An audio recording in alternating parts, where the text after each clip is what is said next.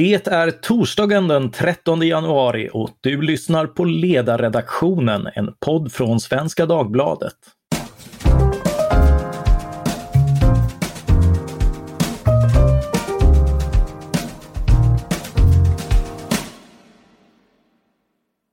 Jag heter Mattias Svensson och dagens ämne är musik och internationell politik. I lördags skrev jag en text om en fantastisk bok av den amerikanske professorn och författaren Louis Menand, The Free World, Art and Thought in the Cold War. En 800-sidig bildningsresa som kom förra året. Och som titeln antyder handlar den om amerikansk kultur under kalla kriget. En tid då säkerhetspolitikens och kulturens vägar korsades åtskilliga gånger. Någon som har egen erfarenhet av detta är Karl Baren. Han är statsvetare från Uppsala universitet med en lång internationell karriär vid Sida, OECD i Paris, International Planned Parenthood Federation i London och FNs befolkningsfond UNFPA i New York. Men parallellt med detta ett hjärta bultande för jazz, opera och eget musicerande och komponerande. Och det där hänger ihop. Eh, jag ska säga välkommen Karl Baren. Tack för det. Ett nöje att vara här. Jag tänkte börja med att låta dig ta med oss till en källare i Moskva år 1958. Eh, det kräver nog en viss förklaring för man ska inse liksom bredden av det som du just nämnde, nämligen hur säkerhetspolitik och kulturen korsas och har korsats historiskt och inte minst under förra seklet och tror jag man kan säga även idag. Jag växte upp, jag föddes 1933 vilket innebär att jag växte upp eh, och blev medveten om världen under hela andra världskriget. Och andra världskriget var ju en otroligt omtumlande erfarenhet. Vi talar idag när det gäller klimatkris och mycket annat om behovet av omställning. Ingen människa tycks minnas att hela Sverige ställde om under andra världskriget. Vi hade samlingsregering, kvinnorna övertog traditionella manliga jobb, vi ändrade hela transportpolitiken, vi åt annorlunda, vi blev självförsörjande inom jordbruk, klädtillverkning, skor och hela köret. Med andra ord, World War II var en fantastisk omställningsperiod. Min pappa hade säkerhetsansvar på den industri där han jobbade och eh, hade tjänstepistol vilket djupt imponerade på en liten grabb. Och min mamma var oerhört aktiv i de anti, eh, antinazistiska verksamheterna. Eh, du kanske har sett att det var en utställning i Norrköpings stadsmuseum förra året som fick mycket uppmärksamhet och belöningar. Där hade min mamma en egen monter som eh, Johan Perve, forskaren, hade gjort över hennes antinazistiska aktiviteter. Vi hade flyktingar i hemmet och um, vi hade krigsbarn och med de gula bussar, vita bussarna, Bernadotte, så kom två kvinnor direkt ifrån Auschwitz och bodde längre perioder hos oss och blev väldigt goda vänner. Allt detta gjorde ju att man föddes fördes in i politikens verklighet på något sätt. Så sen när jag kom till Uppsala så var det ju självklart att man skulle efter lumpen då som man hade gjort, det var väldigt nyttigt, fantastiskt integrationsprojekt på många sätt. Eh, så det blev det statskunskap och filosofi, ekonomi, allting sånt där, men också aktivitet inom studentpolitiken. Och eh, eftersom jag alltid har trott på den här eh, eh tesen att man ska lära känna sin fiende, det har man ju sagt ända sedan antiken, så gavs en öppning året efter att jag hade slutat som förbundssekreterare i Liberala studentförbundet i Sverige att komma med den första resan över till Sovjet. Det var 1958 och många tyckte att det var en svikande, hur kunde en liberal åka över till Sovjet och så vidare. Men jag hade året innan varit nere och tittat på Franco Spanien och tyckte det var jätteintressant att se lite hur det systemet utvecklades. Jag hade kontakt med motståndsgrupper där och annat. Så det var iväg till Sovjet. Och eh, när vi var i eh, Moskva så var det ungdomar som så påtagligt för första gången kom i kontakt med icke-kommunistiska turister eller partigängare som kom dit. Utan här var det uppenbarligen turister ifrån det neutrala Sverige. Och eh, de söktes upp till oss i Gorkiparken och, och ehm, med några ord på tyska, några ord på engelska, jag kunde ingen ryska alls på den tiden och så vidare, så förstod jag att de var intresserade av musik och ville dra ner oss till ett källare. Och ehm, det där var ju lite spännande och lite lätt ruskigt. Men vi hamnade upp i en källare i alla fall och där stod ett gammalt piano och nu kommer vi till svaret på din fråga egentligen. Eh, när jag satt mig ner, eftersom jag hela mitt liv har varit eh, musikant och, och, och jammat över hela världen och så, där, så, så satt jag mig ner och slog an några plinkeliplonker, eh, Take the Eight Train av Duke Ellington eller Count Basies berömda små Plingelipling början och sånt där. Och upptäcker att de här ryska kompisarna vi just har träffat i Gorkiparken, de var fullständigt inne på det här med jazzen. De kände igen alla låtarna, de kommenterade namnen på en härlig blandning av, av ryska och, och eh, amerikanska. Och vi hade en fantastisk flera timmar där. Och sen följde de oss till det här ganska nedgångna turisthotellet där vi hade fem stycken höra eller lyssnarmikrofoner i, i varje rum och det satt eh, babusjkas och vaktade varje korridor. Och på vägen så sa de lite lätt försiktigt men skrattande, där har du en typisk KGB-man, där har du en typisk... Vi var förföljda överallt. Men de var så positivt inställda och den slutsats jag drog var att de resonerade väl ungefär så här så att västerlandet om vilket man hade noll kontakt annat än via musiken ifrån Radio Free Europe, American Forces Network, Radio Luxemburg, tyska, franska radiostationer. De hade hört massor av den här musiken. Ja, men en kulturcivilisation som har sån där musik, den kan väl inte vara så genomrutten som våra potentater ändå säger. Så att eh, där fick man den här första kontakten och upptäckte att det som ingen järnridå hade lyckats med det att hålla ute, det var att hålla ute radiovågor med modern popmusik, det vill säga det var jazz på den tiden. Det var ju ändå, eh, regimen gjorde sitt bästa för att, eh, att motarbeta det här och just jazzen var ju illa sedd av, av både eh, nazister och kommunister i omgångar om jag förstått det rätt. Absolut, absolut.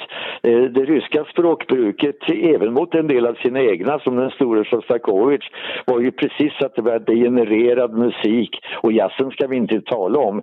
Eh, ryssarna eh, var ju redan på den tiden ganska stora rasister och behandlade de få afrikanska studenterna som fanns på Lubumba och så vidare ganska illa. Det, det, det fanns mycket rasism i det landet. Eh, och eh, det här var ju negermusik på samma sätt som vi hade hatiska svenskar som sa att den där negermusiken kan man inte ha. Eh, men ungdomen ungdomen, de, de, de tog ju till sig detta med hull och hår och var superentusiastiska och blev nyfikna på mig i det här fallet då som representerade en civilisation som hade fött fram den här musiken, nämligen jazzen. Så att, att eh, och det, det var starkt alltså, musiken är ju stark. Det var inte så att de här KGB-agenterna som pekades ut, att de ingrep Ja, de såg ju att vi var ungdomar helt enkelt och eh, det här var ju dessutom eh, Khrushchev som du kommer ihåg som var den store ledaren efter Stalin som satt i många år sedan. Eh, han hade ju fördömt eh, i, på den 20 partikonferensen 1956 Stalinregimen, avslöjat Gulag, avslöjat mycket av detta vilket gjorde enorm sensation. Och därför blev det så att 57 öppnade man upp landet men då framförallt från kommunistvärlden och 58 var första gången som man öppnade upp landet också för turistbesök från neutralt land som Sverige.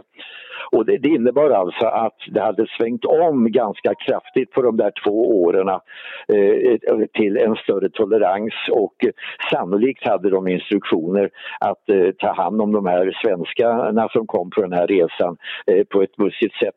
Eh, in turist och Komsomol, den ryska ungdomspartirörelsen, stod som värdar för den här resan.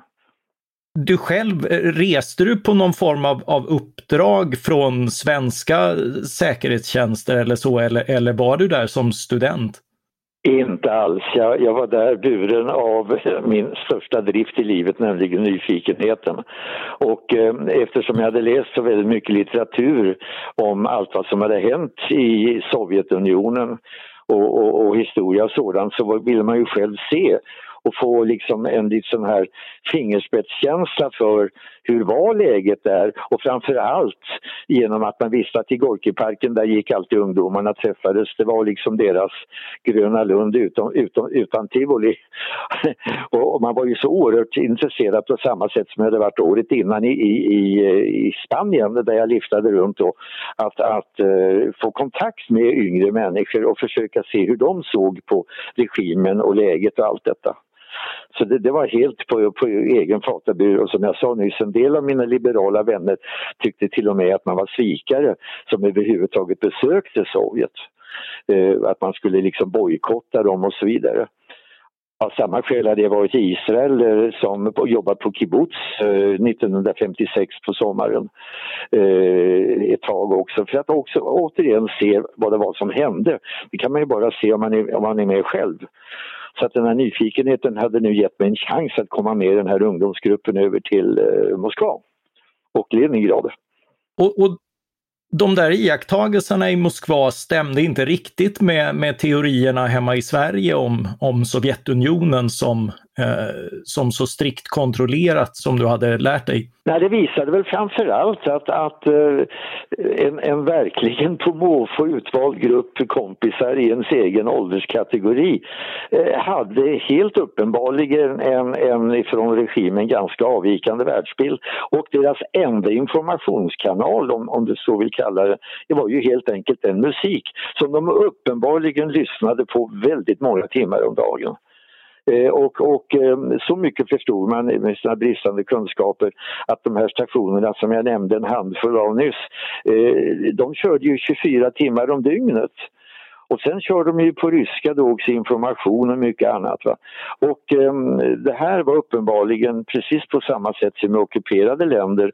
Eh, en radioapparat finns alltid, den kan man bygga själv om inte annat. Och där lyssnade man och lyssnade och musiken var liksom det som förde budskapet över och man hade lärt sig riffen, man hade lärt sig teman på samma låtar som man själv dansade till på studentnationen i Uppsala. De kände de till i Moskva trots järnridåer och förbud och allt vad vi vill. Va? Eh, och det pekar ju på vilken otrolig kraft den här musiken har att vandra över gränser. Eh, den erkänner inga pass och inga mm. viseringar och ingenting annat. Och, och, det är ju inte det enda kulturutbytet mellan supermakterna som du fick ta aktiv del av. Du har även skjutsat den sovjetiske tonsättaren Dmitrij Sjostakovitj i USA. Ja, det har blivit en fortsättning kan man säga och eh, den här Sovjetresan, eh, då ska du tänka dig att, att alltså, det, det, var, det var en, en pristävling utlyst i, i, i Dagens Nyheter eh, som jag råkade vinna och så fick jag ett tvåårsstipendium, allt betalt plus fickpengar till University of Southern California som är västra eh, Amerikas främsta privata universitet. De hade massor och massor och massor med, med, med fantastiska professorer, operahögskola, med medicinutbildning, deras medical center. Det var ett, ett toppuniversitet rankade bland topp 10 i Amerika. Och när jag fick det där stipendiet så kom jag ju då till Amerika direkt mer eller mindre från Sovjetunionen. Um, jag lyckades komma med en lastbåt sen i, i augusti, jag kom hem från Sovjet i början på uh, augusti. Och um, att ha kommit direkt ifrån Sovjet visade sig vara en lyckoträff när jag kom över dit. För att jag betraktades nästan som någon som hade kommit tillbaka från Mars. Va? Eh, det var nästan lite som att John Glenn och andra på månen. Så att det tog två veckor eller tre veckor så var jag intervjuad i tidningarna där och fick berätta hur det var nu i detta totalt okända Sovjetunionen inifrån och eh, hade otroligt mycket inbjudningar att prata eh, och, och, och såg som någon otroligt märklig person. Han har varit inne i Sovjetunionen. Och det där var ju en väldigt bra kul för att då berättade jag mycket om musiken och, eh, och jag ville ju fortsätta med musiken och komma in i det amerikanska samhället med musiken. Så att um, jag spelade på, på studentgemensamma eh, uh, utrymmena där då, uh, Students Hall och, och, fick ihop en liten uh, combo, en liten jazzgrupp då redan inom två månader. Och vid sidan av plugget då som var väldigt krävande så spelade vi väldigt mycket ute i, privata hem och på olika universitet och skolor och andra begivenheter och fick då en massa kontakter. Och eh, sen så, ja, jag, jag, gjorde väl hyggligt ifrån mig på, på kurserna och sånt där. Jag hade en väldigt bra disciplin från Uppsala. Så då fick jag en dag ett erbjudande från US Department of State, alltså amerikanska UD, om jag ville ingå i ett Foreign Leader Escort Program. Jaha, vad var det då, sa jag. Jo, då skulle jag i min gamla Chevrolet, jag hade köpt en fem år gammal öppen Chevrolet där för 400 dollar. Eh, då skulle jag i den Chevroleten ta hand om gäster som kom över för kulturella aktiviteter till USA. Och då skulle jag köra dem till Disneyland upp till Hollywood, jag skulle ta dem runt sådär överhuvudtaget. Och det var inte avlönat men jag fick ju fribiljetter att gå med och titta på alla sådana här grejer själv då, konserter och, och, och museer och andra begivenheter. Och eh, en dag så ringer de där och säger bara att eh, då hade jag haft en massa folk från hela jordklotet eh, som man fick passa in då mellan seminarier och annat. Då sa de att nu kommer Dmitrij Shostakovich som råkade vara min idol inom konstmusiken.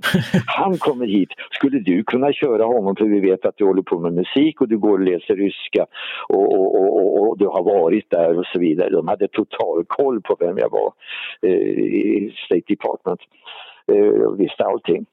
Och det var ju världens chans. Och eh, bakgrunden till det här är mycket intressant för att eh, man hade insett då ifrån båda sidor att den här järnridån, de här hopplösa konflikterna. Det kom ju nästan till atomkrig där med, med JFK Kennedy och Khrushchev över Kuba och missilen och allt detta eh, ett par år senare. Men det var alltså ett väldigt, väldigt spänd situation. Och då hade man börjat inse att musiken kanske var ett sätt att lite grann avdemonisera fienden ändå. Så att, eh, att eh, ryssarna var nog nästan först med det att, att, att börja skicka över eh, skärmmusiker eller världskända musiker av typen Sjostakovitj, eh, Kabalevski, Amirov och andra eh, som dock inte var lika väl sedda som Sjostakovitj. För att de här andra som jag nämnde, det var typiska så kallade Sovjetrealister. Det var sådana som Stalin gillade. Stalin hade, hade skrivit en förfärlig recension över Sjostakovitj när en av hans operor hade presenterats. Och Sjostakovitj var bannlyst precis i nazitermer som degenererad kapitalistisk lakej. Hans musik var ospelbar och så vidare. och Så vidare. Så han var djup onåd. Men man visste ju i Kreml att den enda som västerlandet brydde sig om av dåtidens levande ryska kompositörer det var Sjostakovitj. Så han var delegationsledare men erfor jag då den 2 november 59 när jag körde honom omkring i min gamla Cheva att han var väldigt mobbad skulle vi säga idag av de andra. Eh, den som faktiskt mm. ledde ryska delegationen det var en KGB-man. Och de här andra det var sådana som var uppburna av kommunistpartiet. De skrev en, en, en, en vacker trallande musik som passade och hylla Stachanoviter och alla sådana här mönsterarbetare och andra. Sostakovitj skrev på sitt eget sätt, han hade sina egna horisonter. Men, eh, och så hade jag sån tur så att, att vi var ju en kortege med ett par, tre bilar eftersom de var fem stycken i delegationen. Och vi hade med några kända eh, amerikaner också med. Men jag fick sitta med Sjostakovitj i min bil alltså. Och köra runt honom och titta på, på bemärk, bemärkta ställen. Och eh, det var fruktansvärt för att han var så tilltryckt och eh, hans, när de gick ur för att ta gruppfoton, selfies fanns inte på den tiden, men gruppfoton och sånt där, då satt han kvar i, i bilen i baksätet. Han hade en gammal Stetson-hatt och en, en, en ganska mm, taskig trenchcoat. Och han var lite dysterkvist och sådär men, men jag, fick hans, eh, jag fick hans autograf och han, han log vänligt och sådär när man sen kom på begivenheterna, konserter eller i aulan där alla duktiga musikstudenter fick spela upp och sådär, då lyste hans stjärna. Då var de andra bara vad, heter det, statister jämfört med honom. Och ingen journalist, ingen kändis vände sig till någon annan än Sjostakovitj via tolk då och så vidare. Så att han var den stora stjärnan i Amerika. De andra var staffagefigurer men de mobbade honom hela tiden. Och jag vet inte vad som hände när han kom tillbaka. Men ryssarna var kloka nog att låta hans cellokonsert uruppföras i Amerika. Så PR-aspekten hade smugits in redan där. Och det intressanta var ju sen att amerikanerna antog ju snabbt utmaningen. Så att efter detta oerhört populära besök, han åkte över hela kontinenten, skickade de sen Leonard Bernstein, West Side Story och allt annat han har gjort eh, med, med orkester över till Ryssland. Sen skickade man diverse andra levande också. Så att det blev nästan en, en, en, en kallat kriget kulturell kamp eh, som började eh, senare delen av 50-talet och sen in på 60-talet. När man försökte lite grann överglänsa varandra men också men också avdemonisera varandra utan talade ord, utan politik, utan slogan. Låt musiken tala. Och musiken appellerade då över alla dessa gränser. Gick påverkan åt båda hållen skulle du säga? Absolut. Tveklöst alltså. Och, och eh, sen en intressant sidogrej här är ju det faktum att när Louis Armstrong eh, med sina Hot Five... Ja, jag tänkte komma sina, till honom. Han hade en, en, en septett också med alla de främsta stjärnorna då inom, vad ska vi säga, modifierad, moderniserad New Orleans-jazz och sådär. Han ställde villkor och sa, hur kan ni tro, sa han till State Department, att jag ska åka över och tala för amerikansk demokrati när mina svarta bröder i södern inte kommer in på vissa universitet, inte har det och inte har det, inte har den möjligheten. Det gick ända upp till Lyndon Johnson. Och Lyndon Johnson nu när det här kulturkriget hade brutit ut insåg ju hur viktigt det var att få över Louis Armstrong så att han påverkade, pratade med en del delstatsguvernörer där nere. Och man gjorde ett antal modifieringar i, i de svartas rättigheter att komma in på vissa institutioner. Så du, du, kan se på hur musiken även slog inåt och gav en kille som, som Louis Armstrong möjlighet att påverka den interna utvecklingen också eh, som ett pris för att åka över och tala sig varm för demokrati. Det är väl ganska underbart. Mm. Ja, det är fint. Eh, är det bara av godo med sådana här utbyten? Jag tänker på kalla kriget, ligger inte fara i att imponeras av vad som ändå är en totalitär diktaturs utsända? Jag, jag, tror inte att, jag tror aldrig att musiken egentligen, eh, jag ifrågasätter lite grann ditt ord imponera. Um, ehm, en idrottsprestation imponerar. Eh, en kille slår en annan på käften och, och, och får honom i däck eller, eller, eller någon springer 100 meter fortare än någon annan. Man kastar nya kulan, man hoppar högre. Där imponerar man. Och där tror jag det är alldeles riktigt att där kan man då försöka peka på att mitt system är mycket bättre än ditt. Va? Men musiken som jag ser det och har erfarit det eh, fungerar inte på det sättet. Musiken är inte en fråga om kamp och tävlan utan musiken ger dig en, en icke-materiell, en andlig om du så vill, upplevelse. Och om den upplevelsen härstammar från en sida som man alltid har sagt det är rena rama helvetet, allting är fel, allting är tokigt och sådär. Eh, då tror jag det är mer effektivt än någon annan idrottslig prestation eller eh, att en fabrik har, har producerat mycket mera per capita eller något sånt där. Va? Så att musiken tror jag står lite ovanför själva det här tävlandet alltså. Eh, och är mer en fråga om att visa mänskligheten hos motståndaren. Och sen får man inte glömma det att musiken, jag menar titta på den ryska musiken, eh, där fanns ju spår ifrån Tchaikovsky, från Borodin, från Rimsky-Korsakov, jag menar och, och den amerikanska musiken också, den, den bar ju djupa kulturella rötter, inte minst jazzen.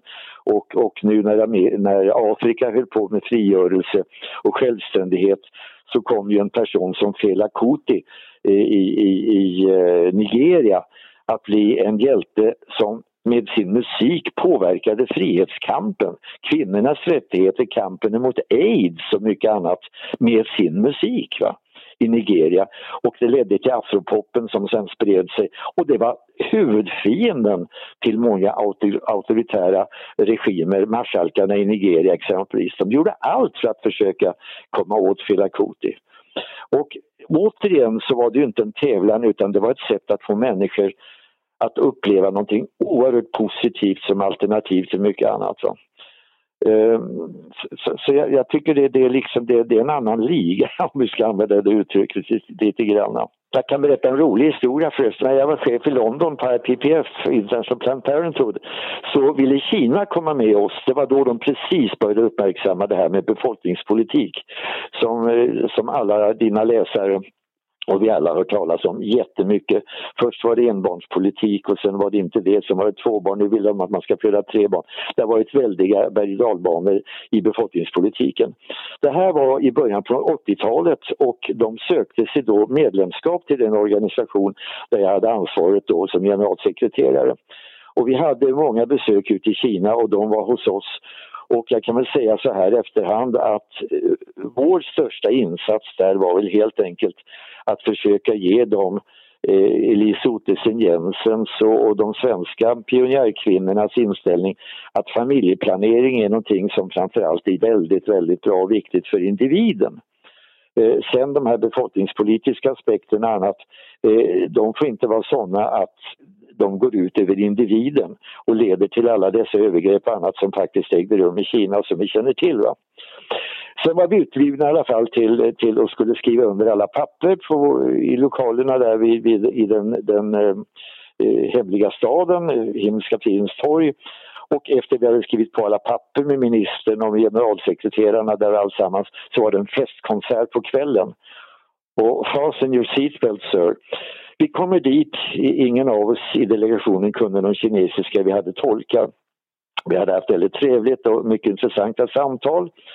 Och eh, så får vi ett program och så sa de som bekräftade, ja det ska bli Mozart, jaha jättefint, det ska bli Beethoven, ja jättefint. Och så stod det någon liten krumelur i början där. Men de tvekade vad det skulle bli för ouvertyr på den här festkonserten i, i, i The Great People's Hall eller, eller vad konsertlokalen nu hette i Beijing. Vi sätter oss ner och eh, så kommer dirigenten in och eh, man har ju precis börjat återetablera orkestern efter kulturrevolutionen när man hade slagit sönder alla västerländska instrument och överhuvudtaget förstört spår av den här västerländska kulturen inom musiken. Det var väldigt gripande att se orkestern komma in. Man hade hittat instrument och så. Vad började de spela? Gökvalsen. Gökvalsen i ett symfoniskt arrangemang som inledning till Beethoven och Mozart. Festkonsert i början på 80-talet i Beijing med stor symfoniorkester. Och den här Jonasson, han var musikfurir på Svea Livgarde och skrev den här och spelade den ute på eh, logementena och på dansbanorna i början på 1900-talet. I Kina var den här låten som vi visslar med massa mer eller mindre fula texter i, i det här landet. Min far han har en halv liter bränning kvar och så vidare och så vidare. Detta var en gripande musik, symfoniskt arrangerad, framfört av Beijings symfoniorkester som sen följdes av Beethoven och Mozart. Och jag sa mig själv att det här är ju, det säger allt. Det säger allt.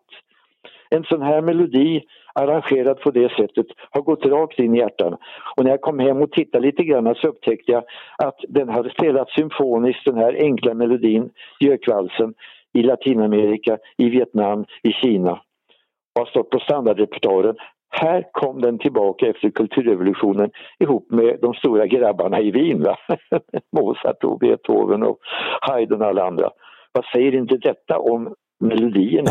Inga paralleller i övrigt, men eh, jag, jag, har ju noterat, eh, det har ju blivit lite av ett internetfenomen att eh, Eddie Medusa, en, en musiker av lite annan karaktär, har slagit i Mexiko eh, med, med en eh, förvisso mestadels instrumental låt. Så, eh, så det finns ju både stora och små exempel på hur, eh, hur kulturen kan spridas på outgrundliga vägar. Fantastiskt. Och det ligger utan, det är inte en tävlan, ingenting annat. Det, det, det är bara det, vissa berör människor och annat berör inte människor. Och, och eh, här har då musiken en, en fantastisk roll att spela. Det skapar förtroende också. Tillit är ju ett viktigt ord idag. Eh, där kan jag ge ett exempel från, från alla år jag jobbat med, med eh, utvecklingssamarbete och sånt där. Va? Mm. Vi hade en jättesvår förhandling, ett stort projekt som omfattade många miljoner med svenska skattepengar och annat ute i Korea eh, eh, för, för ett antal decennier sedan. Och eh, amerikanerna var med i det hela och, och de hade en, en, en, ganska tyvärr bufflig ledare. Eh, resten av gruppen var jättetrevliga. Men det var problem att få det hela och eh, han hade en ganska otrevlig attityd som, som störde koreanerna på goda grunder. Och när det hela är på att bryta ihop, hela det här stora, stora forskningscentret höll på att inte komma eh, till, till stånd på grund av alla dessa missförstånd, då sa en av mina koreanska vänner där Takil Kim hette han.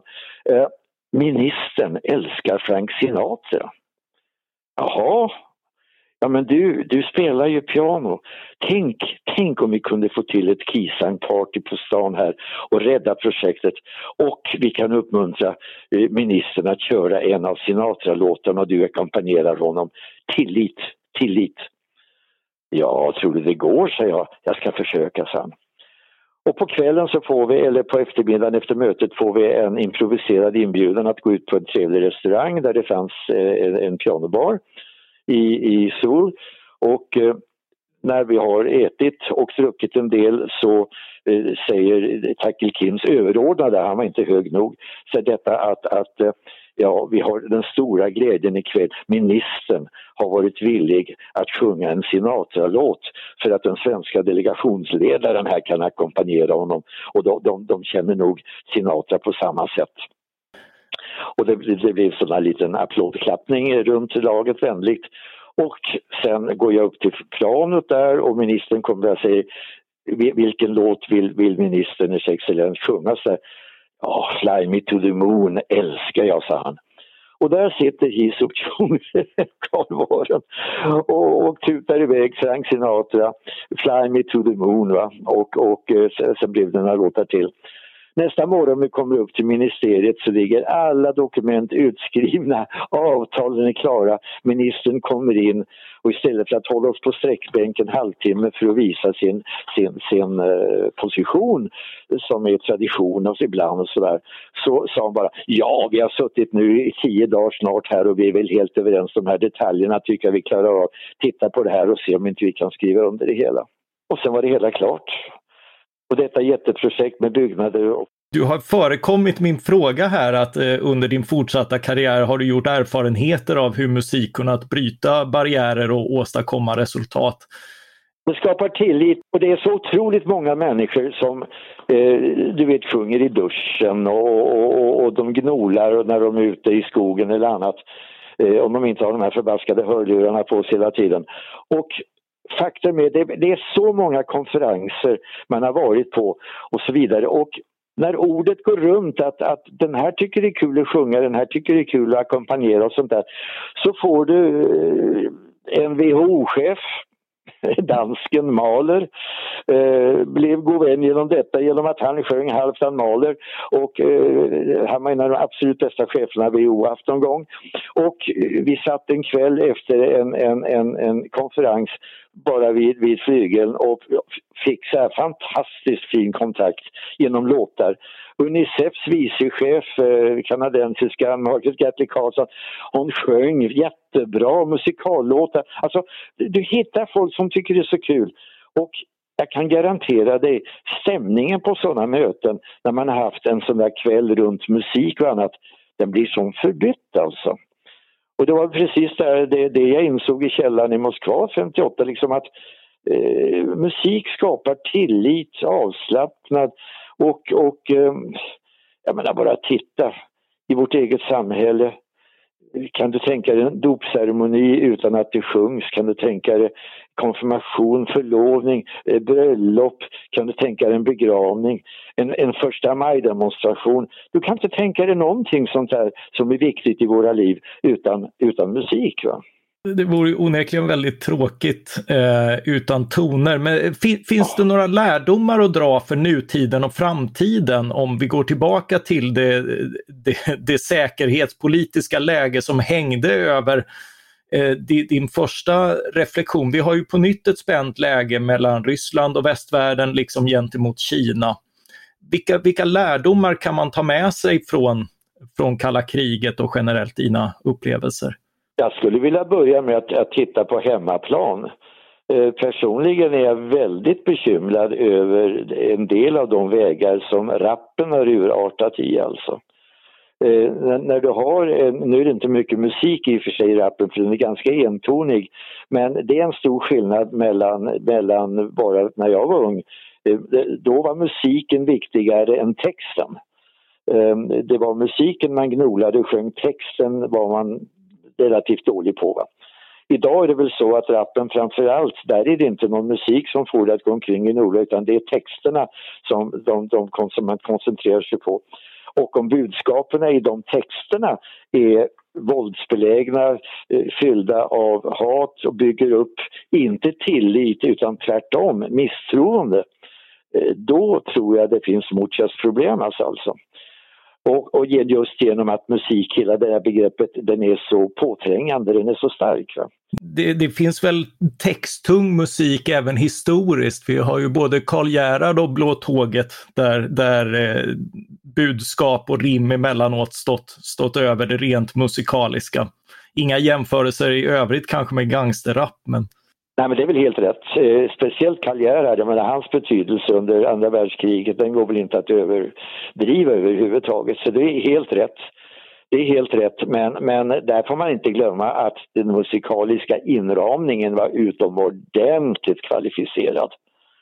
Eh, det, det, det, det, eh, han hade de bästa sångerna, de, eh, liksom, nej då, det, det, texterna var jätteviktiga men det var ju framförandet, han hade ju en karisma också den där karln som, som få estradörer har.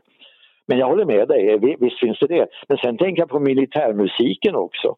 Eh, inga krig har ju nästan varit möjliga i historisk tid utan att det har varit smattrande trumpeter och mullrande trummor som har höjt adrenalinhalten hos människor. Så visst är det så att även musik eh, får användas med moderation i vissa utföranden, i vissa arrangemang, absolut. Men eh, om man ser det så tror jag ändå att det är den här tillitsbyggande, välbefinnandebyggande som har varit mycket, mycket starkare än, än adrenalinstimulansen. Har vi rent av en brist på populärkultur att exportera? Vad, vad ska Radio Free Europe spela för att, eh, för att nå över nya järnridåer? Är det där det börjar? Ja, det är ju en sån skillnad idag. Va? Eh, idag har du inte järnridåer genom, genom sociala medier, genom Spotify, genom, genom allt detta. Och eh, jag menar, vi har, vi, vi har talat om Björkvalsen och Jonasson förut och hur häpnadsväckande det var, men titta på ABBA.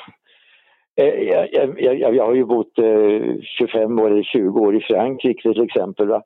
Och, och, och eh, jag menar min generation är mycket, mycket yngre. De är ju totalfrälsta Eh, de är mycket mer ABBA-frälsta tror jag än, än, om jag knackar på dörren och frågar grannarna. Eh, Australien, eh, jag menar, det, du, alltså över hela världen så har ju ABBA visat just det här globala idag. Men mycket, mycket, mycket i ABBAs texter är ju också tillitsskapande. Det är kärlek, det är lite ironiskt om pengar och materialistiska samhället, money, money, money. Eh, det, det, du har eh, Thank you for the music. Alltså, eh, och tongångarna, musiken är ju också genialisk. Eh, för det har man ju sett exempelvis inom sjukvården att det går ju inte bara att sätta på vilken musik du vill och se att du får snabbare sårläkning, bättre rehabilitering, eh, lugnare psyke utan det ska vara mjuk och fin melodisk musik och det är verkligen ABBA. Det är ingen hårdrock. jag, är... Eh, och jag... jag vet inte om du vet men det har till och med börjat forskas nu på hur man kan få bättre vinkvalitet i Frankrike genom att spela Mozart på, på, på vinsluttningarna. det var en lång, lång, lång artikel, seriöst skrivna forskare här i, i Paris Match nyligen Eh, Eh, en, en musikgalen vinodlare, han, han, han undrade om inte eh, också musiken har inverkan på annat liv, inte bara på mänskligt liv. Och, och eh, han har då på identiskt lika jord, lika förhållande till solen, lika nederbörd helt enkelt haft ett antal eh, vinsluttningar där som spelas mjuk Mozartmusik. Och tro mig eller inte, men han har en kvalitativt bättre produktion, mera sötma och en kvantitativt ökat. Och vi talar alltså inte om en eller två procent felmarginalen, vi talar alltså om tvåsiffriga tal. Va? Och man kan tro att det här är som en dålig historia, att, att uh, jag sitter här och dricker snaps eller någonting. Nej men det, det är ett faktum alltså. Och jag vet ju bara det som djurägare, hur många, många, många djur, speciellt hundar, de älskar ju musik. Jag hade en stor pudel under hela min uppväxttid. Så fort jag satt vid flygeln kom pudeln fram och la sig under flygeln. Och, och, skulle lyssna om jag spelade mjuk och fin musik. Va? American Songbook och, och, och, och sån där nyn, trallvänlig musik. Så att det är någonting speciellt med musiken. Ja, ja, det är ju det. Eh, även om jag nog föredrar min, eh, mitt rödvin med hårdrock till eh, och kanske inte till min hunds förtjusning eh, så ber jag att få tacka dig Karl Baren för att du delat dina erfarenheter med oss. Det var jättetrevligt och när man kan slå ett slag för fin musik, varifrån den än kommer, från vilken tid eller var du vill, så är det härligt att få vara medverkande. Tack för idag! Tack också till alla er som lyssnat på ledarredaktionen. Tycker ni att vi har saknat takt och ton och vill invända eller har ni improviserat fram något ämne vi borde ta upp? Mejla i så fall till ledarsidan svd.se. Ledarsidan svd.se. Jag vill också passa på att tipsa om våra grannpoddar här på Svenska Dagbladet. Dagens Story avhandlar dagligen ett aktuellt ämne på 15 minuter vi har också politiken som varje onsdag ger en inblick i allt från maktens korridorer till Torbjörn Nilssons bibliotek. Producent för det här avsnittet var Jesper Sandström. Jag heter Mattias Svensson och jag hoppas att vi snart hörs igen. Tack för den här gången.